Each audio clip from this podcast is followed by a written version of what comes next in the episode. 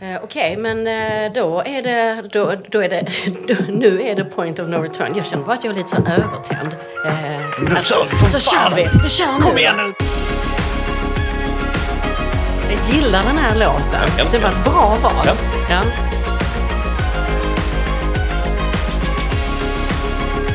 Eh, Magnus, jag tänkte att vi ska börja med att eh, berätta hur det kom sig att vi sitter här och har dragit igång Bengt Dahlgren Syds podcast. Ja du, varför gör vi det? Eh, ja, men vi vill ju själv skilja oss lite grann eh, och hänga med i de här moderniteterna som råder ute. Eh, det här begreppet är med podcast, eh, det är väl ingenting som jag är jättebekväm i sånt där, men man måste våga lite grann för att testa lite nytt. Och Ja. det är på så vis man lär sig. Det är kanske som så att folk får en uppfattning, eh, positiv uppfattning om oss där ute. Kanske medarbetare som vill söka sig hit, det är kanske kunder som snappar upp det där ute, det är kanske en allmänhet som känner liksom, gud vilket fint bolag detta är.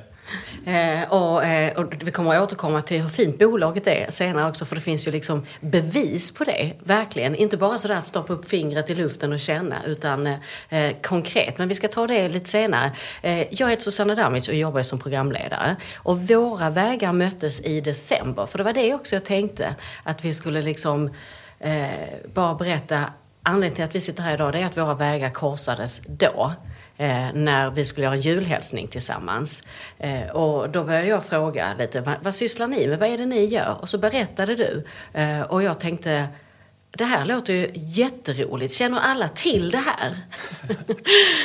och då var ju svaret Nej. Nej. För annars hade vi inte behövt sitta här. Nej. Och, eh, och det var då eh, vi började prata om en podcast. Och det tycker jag också säger så himla mycket om att du var så snabb på att säga ja det är klart vi ska göra det. Det låter ju jättebra. Ja, det kanske inte var riktigt så från första början utan det var din galna idé då du bara slängde ut det eh, ur dig eh, liksom efter filmen. Vi kanske ska göra en podcast och eh, kände så här, mm, det låter ju väldigt modigt att eh, helt plötsligt eh, göra en podcast när vi precis har gjort en filminspelning. Sen funderade jag lite grann och bara tänkte någon dag på det att, ja men varför inte?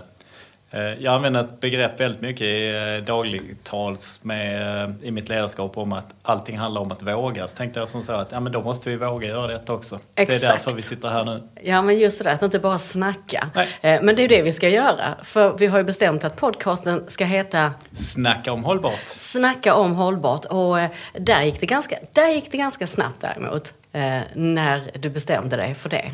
Ja, men det gjorde det. Det får jag nog säga att eh, när det väl blev bestämt, eller när jag såg detta liksom med snack om hållbart, tänkte jag att ja, men det här är vi. Det här är verkligen eh, det som vi gillar. Det är inte prata om hållbart, utan det är snacka om hållbart. Det är ett Ja. väldigt vitt och brett begrepp som kan användas i väldigt mycket i den här podcastserien. Liksom allt ifrån ledarskapsfrågor, miljöfrågor, samhällsfrågor, i stort, medarbetarfrågor, ledarskapsfrågor, alltihopa. Jag, jag tror att vi redan är uppe i fem avsnitt om vi ska ta ett av varje av det, bara det du nämnde här nu. Ja, Ja. så Eh, Men är du, är du oftast eh, snabb när det gäller att ta beslut, Magnus? eh, ja, det är jag. Ja, ja. Ja, men det var att vara ärlig och säga liksom där. Men det är därför jag omger mig med fantastiska medarbetare som får bromsa upp mig eh, lite grann också. Men jag tycker det blir så himla träligt när man bara snackar och snackar och sen händer ingenting och så blir det... Alltså man tappar engagemanget eh, väldigt mycket. Därför måste man vara eh, väldigt snabb i att kunna ta beslut. Sen givetvis måste det vara faktabeslut också i mångt och mycket. Ja, och jag tänker det att nu är du på en position där du kan ta beslut. Eh, hur, har du, hur, hur har din väg sett ut? För det är jag nyfiken på. Eh, är det, eh, har du alltid varit i positioner där du har kunnat ta beslut? Eller eh, hur har det sett ut? Nej, jag är ju lillebror i familjen Jaha. med mamma och pappa så där fick man inte vara med och ta så mycket beslut utan det var andra som tog de besluten till en. Men jag har väl alltid haft en stark vilja liksom och varit ganska så envis utav mig som har genomsyrat hela mitt liv egentligen. Både på gott och på ont. Eh, Så att det var egentligen där det började en gång i tiden och sen utifrån när jag väl började jobba, eh, ja, jag har väl en ganska brokig bakgrund med allt ifrån att varit pinnapåg ute på bygge till att vara... Vad är en pinnapåg? Ja, men då springer man omkring med en måttsticka och sätter linjer och så vidare liksom ute på ett bygge och det är svinkallt och har snön kommit så ligger man med en gasollampa och försöker värma och det går inte att ha handskar på sig heller. I alla fall gick det inte på den tiden. Utan eh, då springer man in efter en halvtimme och försöker värma händerna runt en kaffekopp och sen var det ut igen. Ja. Men samtidigt lärde jag mig sanslöst mycket. Jag hade fantastisk eh, mentor på den tiden i en person som heter Bengt Andersson som jag fick eh, lära mig otroligt mycket utav. Hur mycket, vad tror du det betydde för, för, för din, alltså, din resa och dina val att ha haft en mentor i så ung ålder? Ja, men det har ju klart det har betytt mycket. Eh, Bengt var ju väldigt noggrann med att det var alltid laget före jaget. Och det, alltså jag har både spelat fotboll och sen så just det här med att få samma inställning på en arbetsplats. Självklart det har betytt jättemycket och genomsyrat otroligt mycket i mitt ledarskap. Men du, tror du att det var för att det var Bengt som var en sån bra person för dig som har gjort att du hamnar på Bengt Dahlgren? det är undermedvetet att du söker dig Ja, mot, men- en, mot någon, någon eller en Bengt. Man kan ju bli lite grann oroad utifrån att det, jag har faktiskt några år kvar att jobba innan pensionsåldern. Men Är cirkeln sluten redan nu? Eh, Ja, det finns många Bengt. Exakt, exakt. Ja. Eh, Så vi får se lite grann. Ja, men det här med hållbarhet då. Eh, när insåg du att, eh, att det är, är en, någonting viktigt och som du känner att du vill driva den frågan? Ja, men jag skulle säga hållbart och hållbarhet. Eh, hållbarhet är ju en del inom det här med, vi pratar om hållbart totalt sett, men för mig är det otroligt viktigt ur alla aspekter. Den största påverkan har ju absolut varit min familj. Definitivt, där man ser liksom då att eh, med barnen, de växer upp, att eh, det är jätteviktigt att man skapar en hållbarhet för deras framtid. Både socialt och miljömässigt givetvis också i detta här. Men det är också så att unga är väldigt bra på att lära oss lite äldre om det här med hållbarhet och liksom lyfta de frågorna. De tycker jag känner att, alltså, har varit eh, väldigt engagerade. Så att man kommer liksom inte ens, man kommer inte undan. Nej, Vilket det- är väldigt bra, för annars brukar det gå åt andra hållet, att det är vi föräldrar, vuxna, som ska eh, lära barn och unga. Nej, men jag håller med. Alltså, de inspirerar jättemycket. Det blir bara lite jobbigt emellanåt kan jag tycka när de är på och frågar liksom, pappa varför köper du nya kläder? Varför köper du inte begagnade? Ja, varför gör du inte det? Ja, nu tar vi nästa fråga tack. Ja, men för jag tänkte just att jag skulle kolla lite. Jag har gjort några frågor här Ja. eh, eh, på det personligen. För jag vet ju när du jobbar så är det väldigt eh, stort fokus på hållbarhet. Men eh, jag måste då fråga det här, men skulle du kunna tänka dig att köpa någonting, någon jacka eller kläder second hand? Absolut, till mina barn. Till dina barn? Okej, ja då är de jätteglada. Absolut. Men, ja, eh, men ingenting för egen del? Eh, tveksamt. Tveksamt, okej. Ehm, det här med eh, bilpool. Ja. Japp, är det, är det jag? Är du med i en bilpool? Eh, vi har en poolbil på jobbet. Okej. Ja, men det är bra. Så det, man kan säga att jag är lite grann med i det hela. Men svar, nej, jag är inte med där. Eh, nu bor vi lite grann som vi gör, vilket eh, man tittar på. Det är väl gynnsamma förhållanden att man behöver ha bilar. Men självklart så är det ju en jätteviktig fråga. Vi, vi måste tänka mer om just den här med delningssamhället.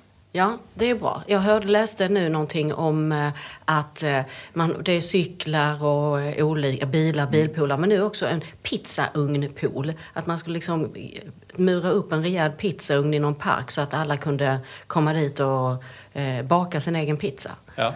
Det- Ja, men jag, jag gillar verkligen de här engagemangen som man tar. Liksom, eh, dessutom att det skulle vara som så att man har en gemensam pizzaugn, ja, men det är ju inte bara liksom att man går dit och gör sin egen pizza. Du träffar en massa människor runt omkring och, och den biten. Och efter det här pandemiåret så är det verkligen någonting vi behöver, behöver öka. Det är den sociala kontakterna där. För det är det vi alla lider av just nu, skulle jag vilja säga, i samhället i stort. Hur har det sett ut på eh, kontoret här i Hyllie, Bengt Dahlgren Syd? Ja, men det har ju varit som det är likt på väldigt många andra kontor. Att, eh, normalt sett om vi är 55-60 medarbetare på kontoret i Malmö så har vi varit under pandemiperioden kanske mellan 5 och 10-12 stycken.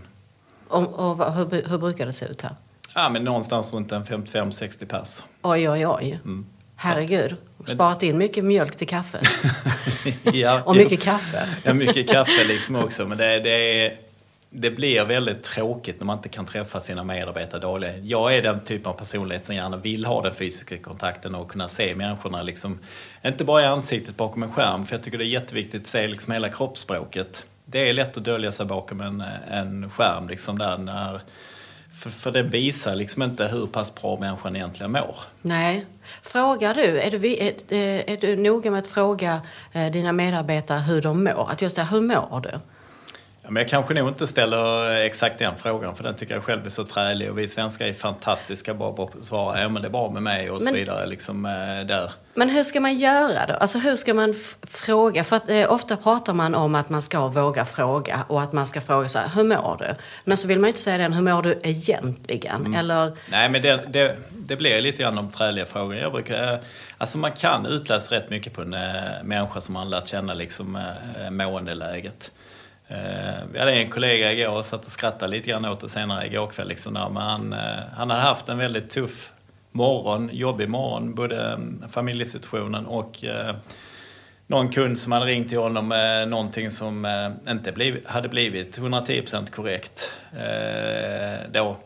Och det, det är klart, liksom, man ser det hela anletsdraget, eh, man ser det hela kroppsspråket och då är det ganska så lätt att läsa av en sån människa och börja diskutera liksom, eh, där på ett annat plan istället för att ställa frågan Hur mår du?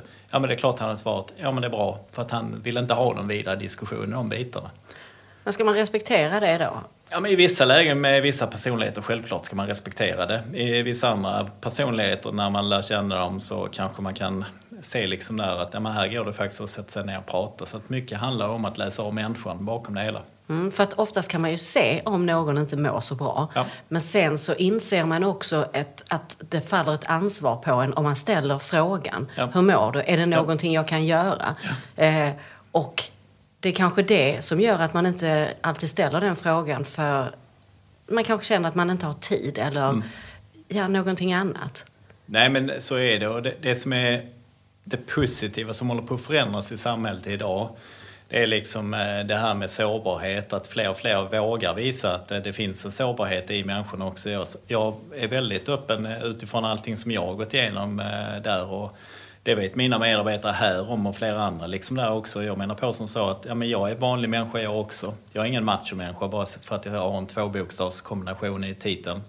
Utan det, det handlar om att jag är en vanlig människa och ibland finns det saker som folk säger till en som sårar en eller andra grejer som händer runt omkring som, är- som gör en ledsen och besviken och, och så liksom. Där. Men eh, vi måste bli duktiga på i samhället totalt sett eh, att prata mer om sårbarhet och släppa den här macho att alla som har tvåbokstavskombinationen jobbar dygnet runt, eh, går upp fem på morgonen och tar sina löprundor och läser Dagens Industri och sen så kör de till jobbet liksom där. Var det där en kontaktannons? Va? Ja, det får man tolka som man vill. Ja. Liksom. Nej, men jag, jag är lite grann emot detta. Utan, Men menar du att bokstavskombinationen är din, alltså din titel VD? Ja. Att det är det som är en, den så kallade bokstavskombinationen? Ja. Bra, Ja. Så, att jag, Ja. så att jag inte tar fel på någonting. Eh, men eh, eh, nu tänkte jag att vi ska prata lite mer om just Bengt Dahlgren och vad ni sysslar med. Sådär, för att jag eh, vill ju veta vad är det, vad är, vad är det ni gör? Ja, men vi är tekniska konsulter brukar jag säga eh, då. Vi håller på med allt inom ventilation, eh, värme, vatten. Vi håller på med styr, vi håller på med mycket med hållbarhet, energi. Vi håller på med besiktningar, projektledningar. Allt som har med ett hus eller en fastighet att göra liksom på den tekniska delen. Där är vi involverade. Och när du säger att vi håller på med vatten, värme, el. Mm. Alltså, vad är det ni gör i den delen? Alltså Ja, men- vad? Men vi... eh, För det är så vi, brett. Ja, men det är så brett. Men jag brukar säga som så att vi designar ett hus utifrån de tekniska eh, bitarna som krävs i, i en fastighet utifrån värme, toaletter, eh, ja, elen och eller ljuset och, och de bitarna. Liksom där. Det är inte så himla komplicerat liksom så egentligen. Men det är också du. Det är också du som är så, ah, det är inte så svårt. Nej, men vi gör det ofta svårare än vad det är. Liksom, eh, där. Sen är det självklart att det finns en stor ingenjörskunskap bakom detta. Alltså det är inte vem som helst kan sätta sig bakom det. Men sitter man i ett projekt och det är duktiga projektledare och alla vill dra åt samma håll så brukar det bli fantastiskt bra slutresultat på det. Eh, och vad är det, om vi ska prata om vad ni gör nu, vad gör ni nu som är spännande? Vad händer hos Bengt Dahlgren Syd eh, i detta nu? Är det någonting du kan berätta?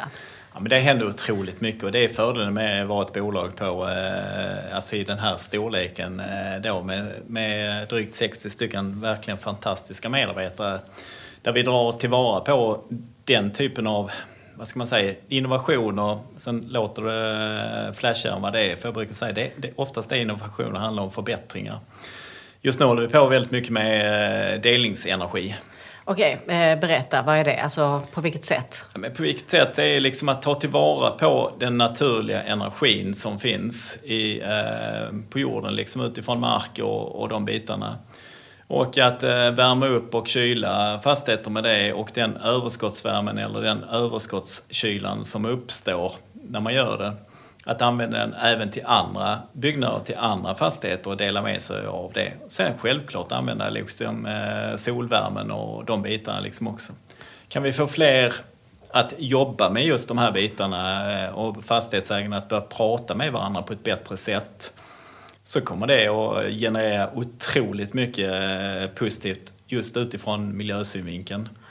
Ja, för att, alltså, vad jag har förstått eh, så är det ju alltså, eh, det är ändå en stor del eh, av befolkningen, näringsliv, annat, där man funderar på, eh, kommer elen att räcka? Alltså det är ju lite elbrist, att det kommer behövas dubbelt så mycket eh, om vad det nu än är, ett par år bara. Ja, men man kan se det från olika håll. Är det sant? Eller är ja. det någonting som, är det bara... Ja, men konstaterar man att fortsätter vi göra som vi gör idag så kommer elen inte att räcka. Men hur ska vi istället titta på liksom utifrån om, vi, om elen är status quo utifrån som den är idag. Hur kan vi göra på annat sätt istället för att fördela den elen som finns på ett annat sätt och värma upp våra bostäder och eh, fastigheter totalt sett eh, på ett helt annat sätt än vad vi gör idag. Att vi måste liksom börja skapa den här kreativiteten, att vi måste börja kanske tänka lite annorlunda. Vi kan inte tänka på samma konservativa sätt som vi har gjort de senaste åren. Och det är också det här med delningsekonomi då när man pratar om alltså ja. hela den här eh, sharing is caring. Att, ja. att man också tar ansvar lite själv. Att man inte bara sitter ner och väntar på att det ska komma någonting från någon annan. Nej, men jag, eh. jag håller fullständigt med liksom där. Och det, det som är kul lite grann nu med den här energidelningen som vi håller på med. Att, nu har vi varit runt den senaste två månaders liksom och pratat med rätt många fastighetsägare här nere. Jag kan säga att alla är verkligen otroligt positiva just i den här biten liksom och verkligen vill hoppa på det. Så att vi har ju rätt många projekt där vi går igång med den här delningsenergin. Och det, det är liksom det vi brukar säga lite grann som vi kallar den här posten, snacka om hållbart. Är elen färskvara? Nej, elen går att lagra. Ja, eh, och det skulle man, kan man göra själv också då? Kanske inte riktigt i dagsläget, men man kommer kunna göra det framåt. Att det man har eh, ja. i, även i privata hushåll?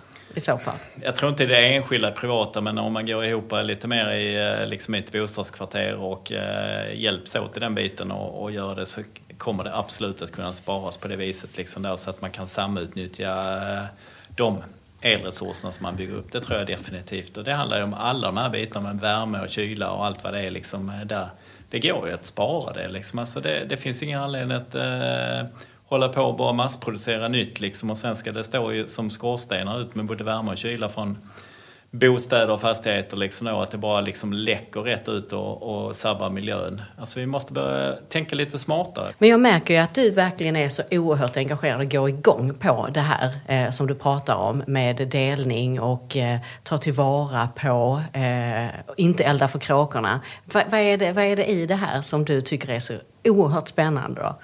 Nej men det är just det att göra någonting annorlunda. Att försöka lite grann, jag lyssnade på ett föredrag för rätt många år sedan. Eh, det var en personlighet som berättade väldigt mycket om att han, vikten av att sätta sitt frimärke. Eh, det är någonting som jag också, vi på Bengt Ahlgren här i, i eh, Syd, liksom jobbar med stenhårt. Liksom, vad är vårt frimärke i detta? Är det delningsenergin? En stor del av det kanske är vi som startade upp detta. Detta kanske blir vårt frimärke. Sen har vi ett antal andra frimärken vi håller på att jobba parallellt med. Vilka är de andra frimärkena då? Um, det är så pass... Nu ser jag på dig att du inte vill prata om det. för jag, jag kan också läsa av människor ja, att, ja. Det, att... Uh... Det är nackdelen att sitta här i poddstudion och ses. Nej, skämt åsido. Nej, men där är, där är uh, väldigt intressanta grejer som vi håller på att titta på som också är väldigt mycket för miljön liksom, uh, i detta. Eh, och gör vi grejer liksom där vi delar på eh, energi och, de bitarna liksom eh, där. Ja men herregud, för det första vi höjer fastighetsvärdet. För det är första fastighetsägaren kommer säga okej okay, det här innebär merkostnader för vår del. Nej, det innebär inte merkostnader för fastighetsägarnas eh, sida sett. Dessutom höjer ni fastighetsvärdet. Eh, så det är bara positiva effekter och det, de projekten som vi har tittat på liksom där så har vi uppnått teoretiskt eh, än så länge liksom då på 98 procent eh, där vi sänker, vi sänker koldioxidutsläppen upp till 98 procent. Sen är det ju ett teoretiskt Va? värde så, som ska kanske översättas då till vad det blir i det fysiska värdet. Men ponera med att de 98 procenten blir 70 procent lägre koldioxidutsläpp i, eh, i helheten i slutändan. Liksom då. Ja, men 70 procent är bättre än noll. Absolut, för jag tänkte säga 98 procent för att min... Jag tänker alltid om någonting låter för bra för att vara sant så är det det. Alltså, ja. det, det är min erfarenhet i ja. livet. Eh, så eh, då, då låter det väldigt, väldigt bra. Hur viktigt är det, alltså, om du, det låter lite grann som att ni kan vara först på bollen i det här, lite. Är det, eller?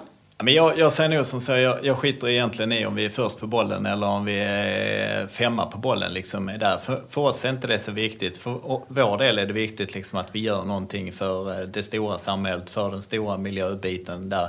Sen om det är ett par andra som har hållit på med delar av den här bollen liksom tidigare, ja men strunt samma. Desto fler är vi, på, eh, är vi som är på den just nu då, desto större kraft kommer det vara bakom detta här. Men tittar man utifrån responsen bland eh, fastighetsägarna så, eh, så kan vi bara konstatera att den är väldigt, väldigt positiv. Ja, eh, och det, visst är det härligt att ändå vara en av de första som är ute ja, men och gör någonting. Ja men absolut, det är ju skitskoj att ha de här diskussionerna med, med de olika aktörerna där ute liksom då, och med även kommuner och, och eh, till viss del landsting liksom också i detta är att eh, supermånga som är intresserade tycker att det är jättepositivt. Det är ett väldigt bra initiativ att ta och de har väl också trott liksom att det var svårare än vad det egentligen är. Men då är det bra att ha det med för att du säger att ah, det här är enkelt, det här är, bara, det är superenkelt. Ja, det är som att göra en podcast. Det är, det är superlätt, det är inga problem. Det är lite enklare att göra en podcast än vad det är att, ta de här bitarna. Men, men det, är ju, det är väldigt mycket det som driver detta företaget och väldigt mycket som driver mig liksom också. Att ja, men, försök att göra det i alla fall lite mer lättbegripligt istället för att använda de här klassiska termerna som ska vara... Eh... Vilka är de klassiska termerna? Jag har ingen aning om vad det är. Ja, men klassiska termer det är exempelvis eh, när man sitter med sina ekonomichefer genom alla åren och de slänger sig med TG hit och TB dit och um, Rose hit och allt vad det är, liksom de här klassiska ekonomiska termerna. Liksom där. Men kan man istället säga, liksom, påtala det utifrån sin privata plånbok och genomföra, eller vad ska man säga, översätta till den privata delen istället med lite enkla begrepp? Så är det inte så svårt med ekonomi. Det handlar fortfarande om plus och minus. Nej men alltså ärligt talat, det är plus och minus. Liksom. Sen är det olika begrepp. Ja, alltså jag tänkte höra, Bengt Dahlgren, har ni något motto? Eller är det så här, det är inte så jäkla svårt? Är det ett motto? Eller har Nej, ni något det, annat? Vi, vi har ju mottot eh, som är liksom, vi förverkligar visioner. Eh, och det är någonting som vi verkligen brinner för liksom då, att förverkliga medarbetarnas visioner. Eh, förverkliga kundernas visioner, förverkliga samhällets visioner liksom där ute. Det är ju det som är kul, liksom, att göra någonting, att tänka lite grann längre. Att upprepa samma grejer som alltid har hänt. Liksom där. Ja, men du är en i mängden. Men det är väl roligare att vara liksom eh, ett fåtal som har gått ett steg längre och försöker tänja gränserna och tänka ett ytterligare, liksom lite längre fram. Liksom, eh, då. Det är det som vi brinner för.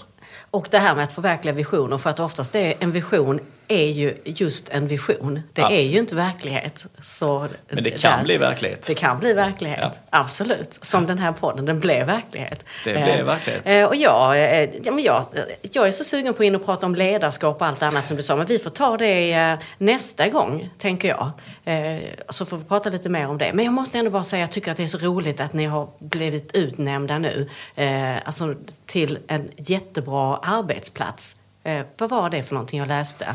Bengt Ahlgren totalt sett har den bästa ledningen i, eh, bland alla konsultbolagen och det, det är klart det är jättekul. Sen ska man to, nog ta en utmärkelse lite grann för vad det är, för det är vissa som tycker och övriga kollegor i branschen, deras bolag kanske eh, det har varit någon som eh, har haft en dålig dag och svarat på frågorna och det har blivit svar därefter. Så att, eh, men självklart är vi jättestolta. Men såklart, alltså det tänker jag att vi borde prata mer om, hur ni har kommit dit. För det är inte första gången som ni får utmärkelser på, av liksom, eh, ehm, utifrån för att vara en bra arbetsplats och en Nej. bra ledning. Det har hänt ett par gånger tidigare liksom också där.